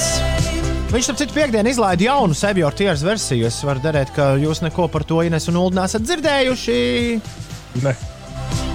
Viņš ir pieaicinājis vienu slavenu dāmu uzdziedāt ar viņu kopā šo dziesmu. Kā tev šķiet, Ines, kas tā varētu būt par dāmu? Hmm. mūsdienu slavenajām dāmām? Tāda jauna uzlacoša zvaigzne vai jau mm, paspīdējusi? Nu, nu, grūti tā, šādā. Šādi ielikt. Paklausāmies, kā tas izklausās. Weekend un Ariana Grande. Save your tears. Šāds gājiens uh, weekend pasaulē nav nekāds jaunums. Blinding Lights viņš ir spāniskajā, pa, spāniski runājošajā pasaulē. Šī brīža kultu mūziķi Rozāliju bija uztaisījis kopā. Un te nu jums ir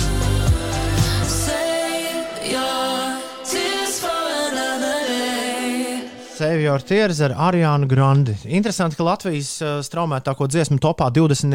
ir abas Save Your Tears versijas, kas ļoti nu, iespējams nozīmē, ka visai drīz Artim Wolfam arī topā būs uh, divi mm. Save Your Tears. Inesē, laiks Jā, tev tom. pastāstīt, kas notiek. Pastāstīšu par laikapstākļiem gaidāmajiem ne tikai šajā dienā, bet vispār šajā nedēļā. Nedēļas otrajā pusē Latvijā laiks kļūs mazliet siltāks. Vēl otrdien lielu izmaiņu laikapstākļos nebūs. Vietām joprojām iespējams sniegs un īslaicīgi sniega kārtiņa veidosies vietām, bet trešdienas naktī debesis skaidrosies, vējš norims un tikpat kā visā valstī gaidāms arī neliels sals, vietām pat mīnus 3 grādi, bet dienā gaisa temperatūra sasniegs plus 5, plus 10 grādus. Un nedēļas otrajā pusē un garajās māja brīvdienās temperatūra naktīs eh, būs lielākoties minus 1, plus 4 grādi šādās robežās, bet pēcpusdienās tās sasniegs plus 7, eh, plus 12 grādus saulainākos brīžus eh, vietām pavadīs plus 14, plus 15 grādu silta gaisa temperatūra. Nokrišņu nedēļas otrajā pusē būs maz, arī vēji lielākoties lēni un ievērojami siltāks varētu kļūt pēc 5. māja, kad gaisa temperatūra pārsniegs sniegs jau plus 15 grādu atzīmi. Tā kā mums jāsagaida ir 5. maijs, lai varētu priecāties par laikapstākļiem. Eh, mazliet par sportu. Eh, hokejā ir bijusi ne tikai Teodora Bļūgara Pitsburgas pingvīnas spēle, kurā Pitsburga uzvarēja ar rezultātu 1-0 Bostonas Bruins, bet arī bija Elvija Meržļīkina pārstāvētās vienības Kolumbusas Blue Jackets spēle pret Tampējas Lightning, un šo spēli kolumbieši, eh, nevis kolumbieši, bet Kolumbusas Blue Jackets zaudēja 3-4. 8,23!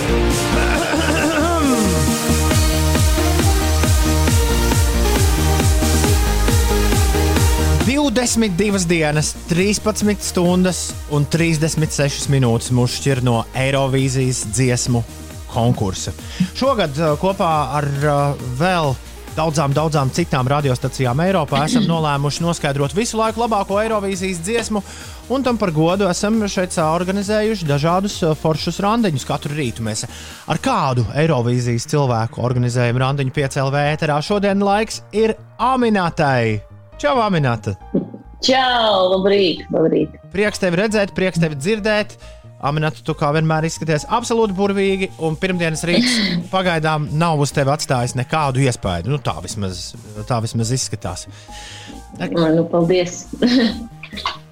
Cik reizes tu patiesi bijusi Eirovīzijas dziesmu konkursā, cik reižu tu esi bijusi uz vietas, nu, tad, kad tur viss ir noticis un redzējusi, kas tur notiek? Mm.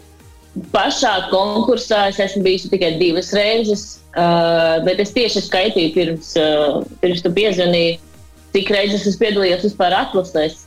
Un um, laikam sanāk kādas septiņas reizes, ka man wow. septiņas dziesmas piedalījās. Jā. Wow. Nu, gan Latvijā, gan Igaunijā un Lietuvā. Jā. Nu, nu re, bet uh, divas reizes tavas dziesmas mums ir iedab, jā, sagādājušas to prieku, ka varam uzstāties finālā. Vienreiz pašai sev arī izdevās prieks, pie tam ļoti uh, cienījams starts ar uh, ļoti foršu pozīciju konkursu noslēgumā. Nu, šogad tā kā vajadzētu atkal, vai ne? Nu, ļoti gribētos, jā, protams. Pastāst par, pastāst par to, kāda Moonas Rising tika sarakstīts, kā tu tiki uzaicināta tajā komandā un kā tu esi apmierināta ar uh, gala rezultātu. Um, tas, šī dziesmas mm, sākumi bija um, speciālajā nometnē, ko organizēja, lai Samantai uzrakstītu Eirovīzijas dziesmu. Tur piedalījās vairāki cilvēki, vairāki producenti, un um, mūs visus sadalīja nezinu, laikam piecās komandās, varbūt sešās. Un, uh, mums bija divas dienas, un katrā dienā mums vajadzēja uzrakstīt kādu dziesmu, esot savā komandā. Un tad nākamajā dienā tās komandas mainījās. Un, um, nu, s- pēc tam, kad beidzās nometnē, bija noklausīšanās, un pēc tam kādu laiku Samanta pati izvēlējās, kura dziesma viņai patīk vislabāk. Un viņa izvēlējās The Moon is Rising. Es sākumā nepiedalījos šīs dziesmas rakstīšanā, um, bet mani pēc tam uzaicināja komandā, lai es bišķiņ piepūlīju ar kaut kādām lietām. Kas ir Jā. Man uzreiz ir jautājums, Jā. vai tu zini, kur tās pārējās dziesmas palika? Nu, tās, kas Nu, palika e- es domāju, ka viņas paliks tā mantā, un ka viņa pēc tam, nu, viņa mierīgi var izdot albumu ar viņām, tāpēc, ka tur ir tiešām, tur, man liekas, viņai 12 vai 11 dziesmas sanāk. Bet paskaidro tiem, kuri ikdienā ar mūziku nenodarbojas, kas tieši, kāpēc tu tika pieaicināti jau gatavai dziesmai klāt, ko tieši tu frišināji, kas bija tas, ko tu varēji iedot šai dziesmai no jauna? Nu, viņa nebija līdz galam gatava, tur nebija teksts vispār vēl. Kaut kādās vietās, laikam, arī bijusi pamanījām melodiju, bet nu, pārsvarā es šo to uzrakstīju tekstā. Bija kaut kādas lietas, ko samantai gribējās paturēt tur, un man vienkārši kaut kas apkārt bija jāuzraksta. Principā tāds uzdevums. Kā autorai, normālos apstākļos tev vienmēr būtu uh, rezervēta vieta Latvijas delegācijā, un tu varētu doties mierīgi uz Nīderlandi, skatīties, kā tavai dziesmai iet. Bet uh, šogad es tā esmu dzirdējis, ka tu to nedarīsi. Šogad es nebraukšu, bet man arī nepiedāvāja patiesībā. Jā, bet uh, Eirovi- es arī nezinu, vai es brauktu šogad. Eirovīzijā. Eirovīzijā iesaistīta gan tu būsi, es to zinu, jo es esmu ļoti tuvu stāvošs procesiem. Viens gan, ko es nezinu, vai es skatījos Wikipēdiju, pagaidām par to vēl klusē. Es neesmu drošs, ka mēs varam atklāt, kā tu būsi iesaistīta Eirovīzijas dzies, dziesmu konkursā. Varbūt tev ir zināms, vai tu drīkst to teikt vai nedrīkst. Es arī nezinu, vai es drīkstu to teikt. bet uh, es, es būšu iesaistīta tāpat. Jā. Nākamreiz, kad mēs satiksimies, tad es tev noteikti pajautāšu par to iesaisti pāris jautājumus. Jo, jo tu, man liekas, tu, šī būs jau labi. Ines, tu, tu saproti, kas šeit notiek? Kā tev patīk? Kaut ko nestāst. Kā pat, jā, gaidiet, vēl jaunu Eirovīzijas sakarā būs. Ā, Kā tev pašai patīk The Moon is Rising? Vai tev um, šķiet, ka dziesmai ir potenciāls konkursā rīktīgi visu uzspridzināt? Jā, nu, zini, kā tad, kad es, uh, nu, tad, kad dziesma bija pabeigta un arī procesā, man bija šaubas par šo dziesmu. Vai, vai tiešām mm, nu, šī ir tāda konkursa dziesma, un es visu laiku samantai prasīju, vai viņai tiešām viss patīk. Viņa teica, jā, jā, jā, viss patīk. Bet tad, kad uh, šī dziesma jau iznāca un uh, es kaut kā redzēju, kā Samanta šo dziesmu performē, man kaut kā salikās uz plauktiņa, pa plauktiņam viss, un uh, likās, ka Samantai tas piestāv, ka viņa pati tic tai dziesmai. Un, uh, man liekas, ar to visu kopā, kopā ar Samantas performanci, tas viss ir uh, labi. Un Ka, nu, tas ir galvenais, kas sajā- Samanta sajūt, par ko viņa dzied, un tad uh, skatītāji var viņai tiešām ticēt. Man liekas, tas, tas ir pats pats svarīgākais vispār. Un man kā neekspertam, man liekas, ka šīs dziesmas svarīgākais ir. Man, man no šīs dziesmas ir palikusi prātā, bet es jebkurā dienas laikā pamostoties varu nodziedāt dziesmu mm. pirmo frāzi. Man liekas, ka tas ir ļoti svarīgi. O, o, Īpaši Eirovīzijā. Tu domā, šī nē, nu tas- Nu, tas a, a, a, a, arī īstenībā vajadzēja samantai pajautāt, kurš to ir iedziedājis. Bet nē, tas The Queen of the Moon. Nu, es nedziedāšu tālāk. Nu, tā, tā, tas pirmais, tas ir tāds, uh, iedod, un, un es atzīšos pārējo, es neatceros. Bet, bet tas man ir palicis prātā. Lai skan Tu neatceries? Tu neatceries pararā, pararā, pararā, Jā, jā, jā. Lai skan noklausāmies mūsu šī gada eiro dziesmu. Samantīna, The Moon is Rising. Šo dziesmu mēs dzirdēsim Eirovīzijas dziesmu konkursu otrajā pusfinālā, ja nemaldos, 18. maijā. Būs jāievieš Ulu maziņš Eirovīzijas kalendārs, lai es, uh, lai es uh, nestāstu klājas muļķības. Bet vēl laiciņš, vēl laiciņš līdz tam ir, un uh, loģiski, ka mēs visi turēsim īkšķus par Samantu Tīnu. Šorīt ar mums kopā ir viena no šīs dziesmas autoriem. Aminētā! Labrīt, Aminēta! Jā, čau, čau. Pirms, pirms mēs dodamies tālāk, es uh, fiks tev vēlējos pajautāt, vai tu esi noskatījusies filmu, kuras dziesmas, starp citu, uh, bija nominēta Oskaram un šonakt skanēja, kamēr mēs čučējām arī Oskara balvu pasniegšanas ceremonijā. Uh, filmu, kas pagājušajā gadā aizstāja Eirovīziju, Eurovision Song Contest, The Story of Fire Saga. Jā, es skatījos šo filmu. Jā. Kā, kā tev patika? Uh, kā tev patika? Jā, jā, Ding Dong uh, filma. Jā, man patiesībā ļoti patika. Jā. Nu, visas uh, Eirovīzijas klišejas, man liekas, bija savākas tur šajā filmā. Un, uh. Tātad ļoti pasmiešanās. daudz momentu. Pasmies- Nē, nu, ļoti daudz momentu tiešām atgādināja uh, īsto Eirovīziju. Pasmiešanās pašiem par sevi tātad bija sanākusi. Jā. To es gribēju zināt. Tavs domas ļoti labi. Ļoti labi. Sākot no 5. māja, uzreiz pēc, uh, pēc svētku garajām brīvdienām, mēs uh, saviem klausītājiem vaicāsim, kas viņuprāt ir visu laiku labākā Eirovīzijas dziesma, un viņiem būs iespēja balsot par savām melodijām. Un šoreiz drīkstēs balsot arī par Latvijas dziesmām. Mēs varēsim šajā globālajā visu laiku labākās Eirovīzijas topā noteikti gan tavus skaņdarbus dabūt iekšā, gan arī prāta vētras, maistāra vai Marijas. And I wanna uh, tur varēs būt. Būs ļoti interesanti, par ko mēs sabalsosim, ja būs iespēja balsot arī pašiem par sevi.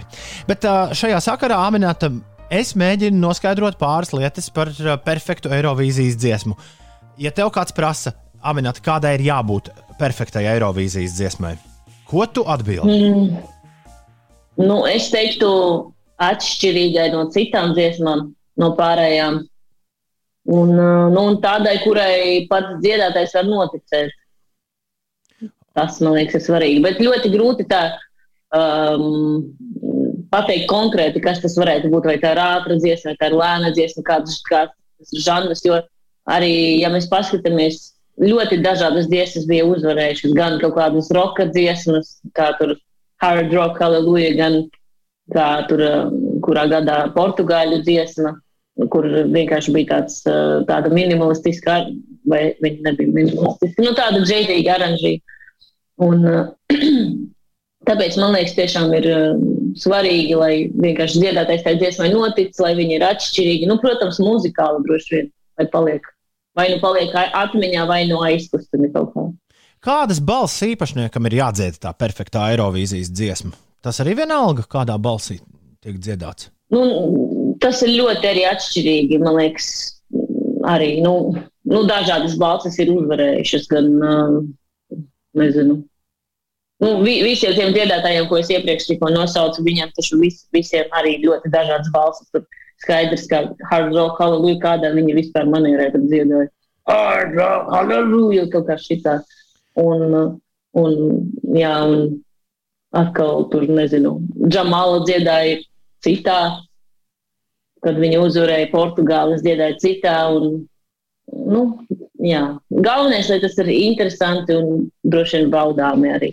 Kad savā gadā tu biji uz Eirovīzijas skatuves, tu biji viena pati? Uz skatuves? Jā. Uh, jā, nu, man bija bekvokāls, trīs meitenes vēl. Viņas arī bija redzamas uz skatuves. Nu, viņas bija stūrītī, bet nu, viņas varēja pamanīt. Cik cilvēkiem, tavuprāt, jābūt uz Eirovīzijas skatuves?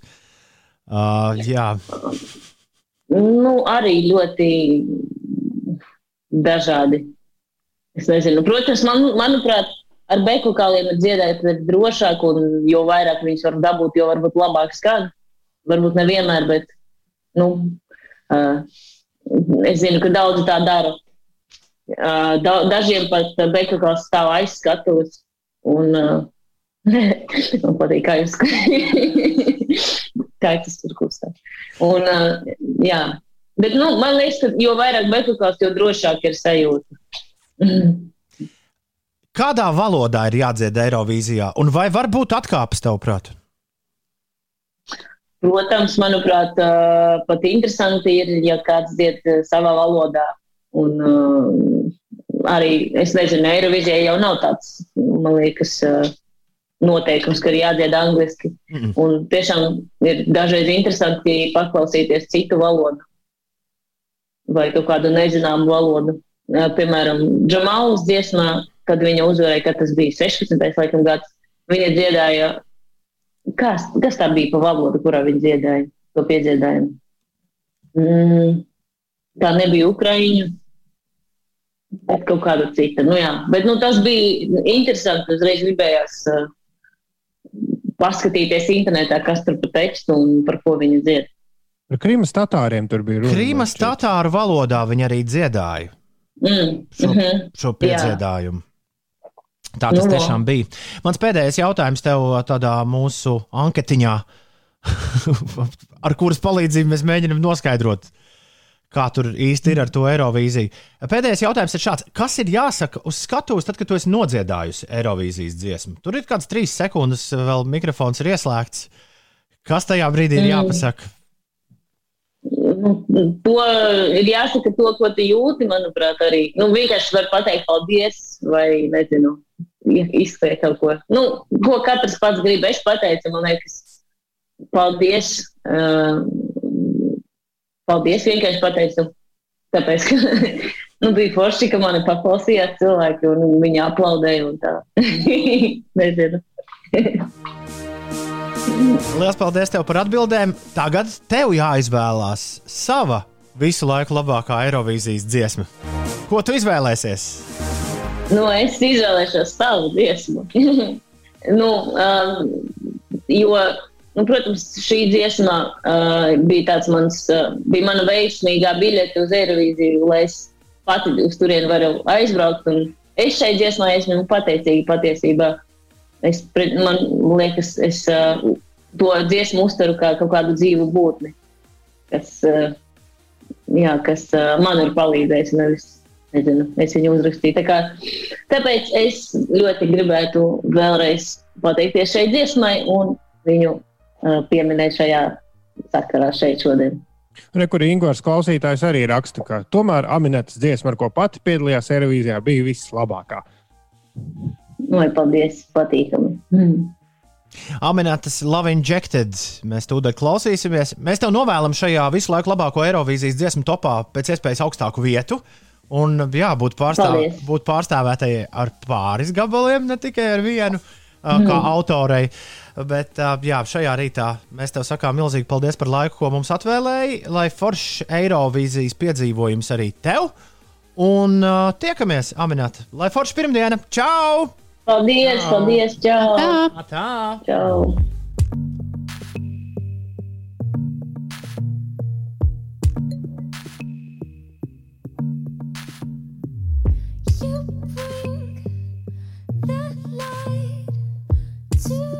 To my darkest side,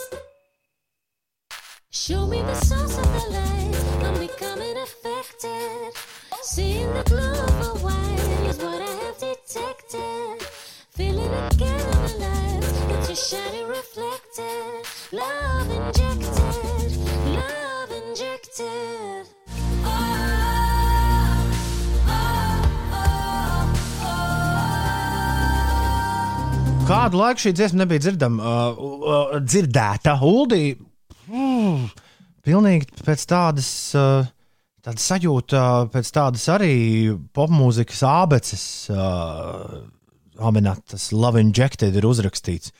Tur beigās ar futbola fanu uh, Mm. sauklim līdzīgo. Wow, wow!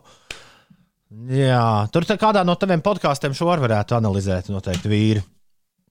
Un nonākt pie interesantiem secinājumiem. Love Injected, Aminatas lielais Eirovīzijas grāvējs, kas atnesa Aminatai sesto vietu Eirovīzijas dziesmu konkursā uh, pirms uh, nu jau daudziem gadiem. Laiks nepiedodami ātri skrien uz priekšu. Esam mēs jau 2021. gadā. Mēs varam atklāt, ar ko mēs rīt pļāpāsim, Ulu. Nē, mēs vēl nevaram atklāt, ar ko mēs Mēs neatklāsim jums, ar ko mēs pļāpāsim rīt. Jo gal galā tā kā skaidrs, ka pļāpāsim ar kādu ļoti svarīgu cilvēku Eirovīzijas sakarā, bet šobrīd ir 8,45 sines. Kas notiek? Šī būs dzestra diena. Valstī maksimālā gaisa temperatūra vietām no plus 3 grādiem līdz plus 7 grādiem. Centrālajā un austrumu daļā daudz vietā gaidām īslaicīgi nokrišņi, kur zemē arī ilgstoši nokrišņi, pārsvarā slapjš sniegs un neliels lietus. Rīgā debesis eh, mākoņainas, brīžiem arī šeit gaidāmi nokrišņi un gaisa temperatūra tikai plus 6 grādi. Savukārt nedēļas otrajā pusē laiks kļūs mazliet eh, siltāks. Vēl otrdien lielu izmaiņu laikapstākļos nebūs, joprojām iespējams sniegs un īslaicīgas, eh, sniega kārtiņas veidošanās. Nedēļas otrajā pusē jā, gaisa temperatūra naktīs mīnus 1,4 grādi, dienā plus 7, plus 12. Un eh, nokrišņu nedēļas otrajā pusē kļūs mazāk, arī vēji kļūs lēnāki un ievērojami siltāks varētu kļūt pēc 5. maija, kad gaisa temperatūra pārsniegs plus 15 grādus. Lesbiešu, geju, biseksuāļu, transpersonu un viņu draugu apvienība Mozīka aicina valsts policiju rūpīgi izmeklēt tukumā notikušo uzbrukumu. Eh, Droši vien visos eh, sociālajos medijos ir redzētas ziņas par pagājušajā nedēļā tukumā. Pas- Pastrādāto noziegumu, kur apdegumus guva divi vīrieši, tostarp viens arī no viņiem cieta ļoti smagi. Un, uh, iepriekš arī apvienība Mozīka aicināja ziedot cietušajiem, bet nu jau vakar vēstīja, ka ir savākta naudas summa, ar ko pagaidām pietiek veselības aprūpei. Cietušo ģimenes ir pateicīgas visiem ziedotājiem, un apvienība Mozīka arī ziņos turpmāk, ja būs nepieciešama vēl kāda palīdzība. Šis ir baisa stāsts. Mēs, protams, zinām, neko mēs nezinām par to, bet, bet skaidra lieta, ka nedēļas nogales laikā šis lika apstāties un, un šo to padomāt. Bet es aizdomājos par to, kāpēc šorīt, šorīt Ines lasa ziņās, ka Enziņa kungam ir atkal jāstājas. Es nelasīju. Tas bija ziņās lielajās par to ziņās. stāstu. Pareiz, pareiz, lielajās ziņās bija stāsts par to, ka Enziņa kungam jāstājas atkal tiesas priekšā. Uh, kāpēc? Man, man ir tikai tāds atklāts retorisks jautājums, uz kuru es negaidu atbildi šodien, bet kāpēc tiem, kuri uh, jā, izcēlās pagājušajā nedēļas nogalē arī ar ļoti interesantiem komentāriem internetā, kāpēc viņiem nekas nedraud? Šeit Latvijas Rādio 5, 5 LV un rīta radiošovs, kuru sauc joprojām 5 rītī. Aiz garāžas studijas uh, durvīm. Es tur biju zūmu skolnieciņam aizskrējis, kamēr skanēja dziesmas sataisīt. Jo otrs uh, mazais draugs atgriežas bērnu dārzā šodien pēc mēneša prombūtnes. Juhu! Aiz garāžas studijas durvīm smaržo pēc zaķīša. Uh, ko diez taisa uh, kaimiņi rokastīsies smaržo pēc zaķīša? Zaķīšu brokastu piedāvājumu. Pie slepenajām receptēm. Tās tās pašas labākās. Lepenās receptītes. Interesantās ziņas, dāmas un kungi.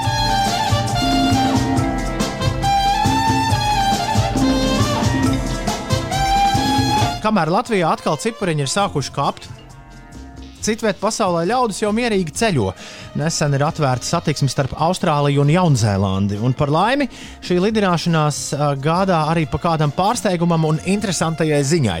Tā austrāļu komiķis Deivs O'Neils martā saposies pirmajam lidojumam kopš pandēmijas sākuma un nolēma lidojumā uz pērtu palutināt sevi, piemaksājot par ekstra legroom taču pēc brīža šo lēmumu nācēs ļoti nožēlot, jo biļetes maksa pieaugusi līdz 987 miljoniem Austrālijas dolāru, kas sanāk apmēram 63 630 miljonu eiro. Uh, Kungs, komiķis, būdams, protams, saskatījis šeit materiālu labam tvītam, publicējot Twitter ierakstu.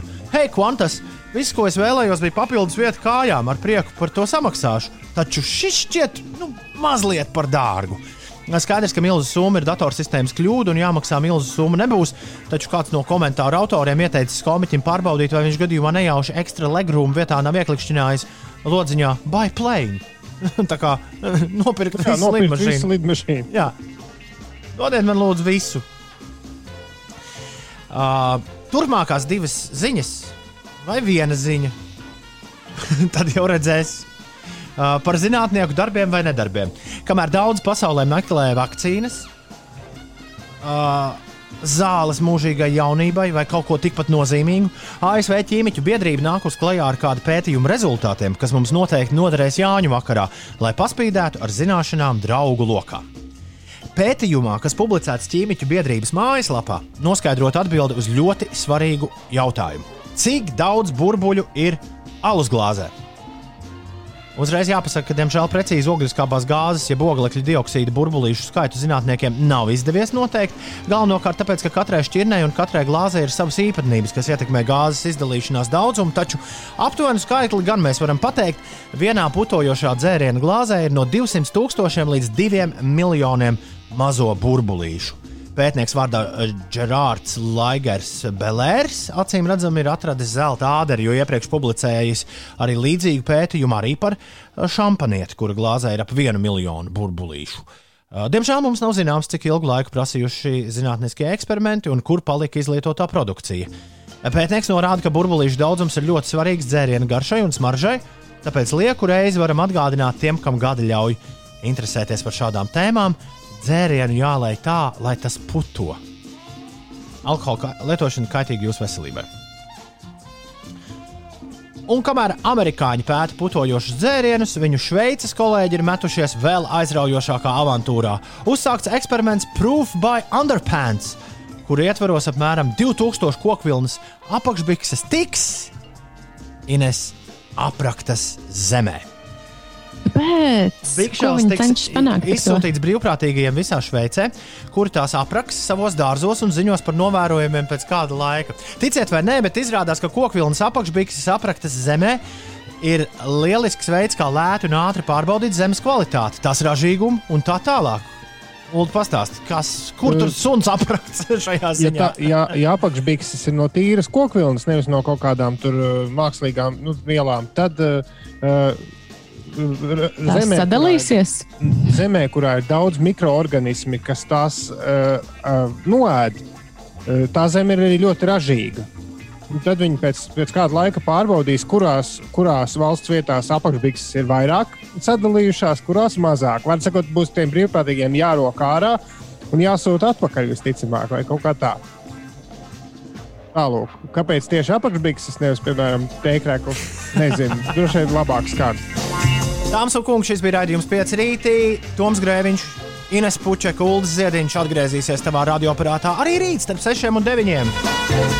Bez dziesmām visu, ko mēs šodien pārunājām, varat dzirdēt mūsu podkāstā. Podkāstā. E-punkts uz Slipsvītra podkāsts. Paldies, ka klausījāties. Lai forši pirmdiena, Arts Volfs piecēlā vētrā nākamais, bet mēs sakām visu labu! Atā! Tā!